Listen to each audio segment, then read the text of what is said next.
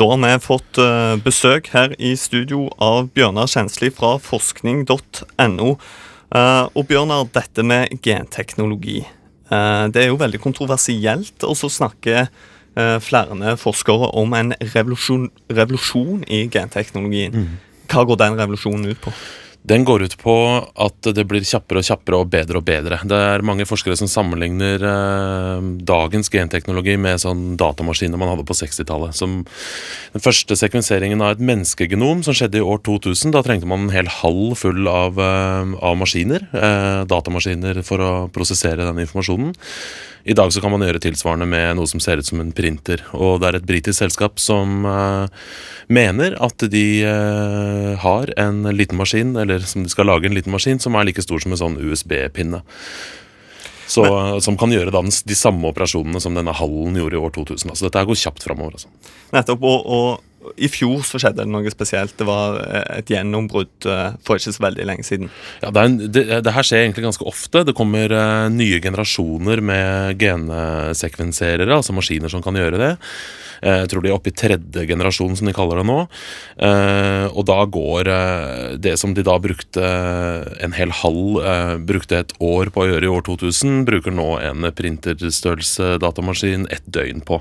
Så det sier litt om hvor fort dette her går, da. Men gensekvensering, altså eh, for oss som ikke har, har greie på dette, går det an å forklare det forståelig?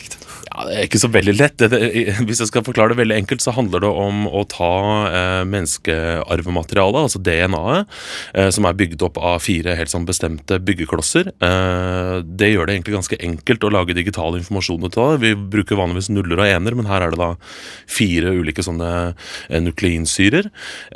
Og det blir en kjempelang rekke av sånne sånne, av disse fire ulike bestanddelene som man kan, eh, man kan lage eh, et slags kart eh, av. Da. Så Hvis man gensekvenserer ett menneske og, eh, og, ser på det, så får man ikke så veldig mye informasjon. Hvis man gensekvenserer veldig mange mennesker eh, og ser på forskjellene mellom de, så kan man begynne å kartlegge hvilke gener er det som betyr hvilke sykdommer og ulike egenskaper, og så sammenligner man dette, og så så kan det få mye å si. For det har man, har, man, har man noen tilfeller av nå hvor mennesker har vært veldig syke, man har ikke visst hva som er galt med dem og så sekvenserer man genene deres, og så kan man se hva som er galt uten å gjøre kirurgiske inngrep. Da. Det er ganske stort, og det kommer nok til å bli mye større også framover. Mm. Eh, er det sånn at dette først og fremst handler om å finne sykdommer, eller, eller kommer vi òg til en utvikling der, der dette kan eh, hjelpe i å kurere?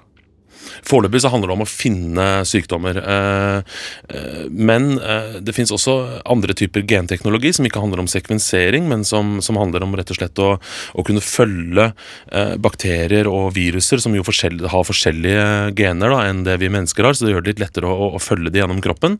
Blant annet det å kunne lage bakterier eller enkeltmolekyler i altså arvemateriale i, i, proteiner eller bakterier og sånn. Og gjøre det selvlysende. Eh, så kan man følge den ferden gjennom kroppen. Så kan man f.eks. da eh, spise en bakterie som er i yoghurt, eller en sånn probiotisk bakterie som finnes i yoghurt f.eks. Så kan man se hvor den ender opp i kroppen, og hva den gjør. Så, så i framtiden så kan dette her også bli en måte å, å på en måte følge medisinen inn i, inn i kroppen og, og se hva den gjør for noe. og hvis man har hele eh, arvematerialet sitt kartlagt, så er det jo eh, veldig lett å, eller lettere da, å finne ut hva som er gærent med deg. Så sånn sett så kan det jo også eh, gi en mye mer målretta behandling da, enn man kan i dag. Mm. Du beskriver en, en eh, stor utvikling og, og sier hele, kart, hele genmaterialet kartlagt. Mm. Er det sånn at en kan kartlegge hele genmaterialet nå? Nei, altså det er noe som man kaller for søppel eple-DNA, eh, som er eh, det man ikke har klart å kartlegge. Eh, som, som foreløpig ser ut som litt kaos, men eh, som forskerne begynner å tro er at, eh, er at, det er jo noe, det også. Eh, man finner stadig spor etter ting i søppel-DNA som, som, kan tyde på sykdommer, egenskaper og mutasjoner. ja, så man har trodd at dette her foreløpig da er det DNA i arvematerialet som er til overs, på en måte, men det er nok ikke så enkelt. Så da vi vil se utvikling på det feltet òg og det høres kanskje, Når man kartlegger et helt DNA, så, så betyr jo ikke det at man veit noe. ikke sant? Så, så, selv om man har kartlagt hele menneske-DNA, så, så, som jeg sa, så må man jo ha noe å sammenligne med for at det skal bety noe. Så jo flere mennesker man sammenligner dette her med, jo mer kommer man til å finne ut. Og eh, selv om et helt menneske-DNA ligger på en harddisk, så må man jo skjønne hvordan man skal analysere det. da, ikke sant? Så, det vil man også bli bedre og bedre til. Når teknologien for dette blir såpass mye enklere, som, som du har beskrevet, eh, hvem er det etter hvert som, som, kan få veldig mye enklere hjelp?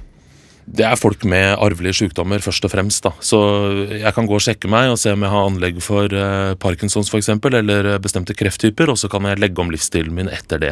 Det er liksom den enkle forklaringa. Og det kan jo være praktisk. altså Nå skal man jo selvfølgelig ikke røyke, men vet, men vet man at man har, er spesielt utsatt for lungekreft, så skal man i hvert fall ikke røyke. Og er man spesielt utsatt for Parkinsons, som, som jo rammer nervesystemet, så er det veldig viktig å være i god form. Så men spørsmålet er jo om pasienter eller folk sånn som meg takler den informasjonen. Da. Går jeg til legen nå og får vite at jeg har en vanvittig sykdom som jeg skal få i, i løpet av livet, så hvordan kommer jeg til å reagere da? Så eh, selv om man kan sende inn en prøve til et eh, lab i California og få tilbake svar på hva slags sykdom man er disponert for, så trenger vi fortsatt leger som kan, kan være der og være en litt sånn beroligende stemme og, og, og hjelpe meg med å finne ut hva jeg skal gjøre med det. da. Ja, for Jeg merker at jeg er i alle fall ikke klar for å, å få vite disse tingene i, i, dag. Det er vel her gjerne konflikten mellom mellom teknologi og, og, etikk kom inn. Ja, og det er en ganske stor konflikt. Vi lagde en sak på dette her hvor en journalist fikk eh, ikke kartlagt hele arvematerialet sitt, men deler av det, og, og hvor det firmaet i California da eh, sa at eh, de kunne finne ut noen, eh, noen sånne sykdommer.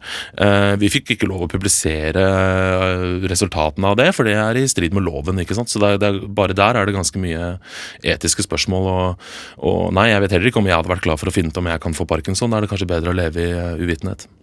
Det er i alle fall eh, positivt at eh, teknologien går framover. Så får vi se hvordan det, det, etiske utvikler seg. Tusen takk for at du kom til oss, eh, Bjørnar Kjensli.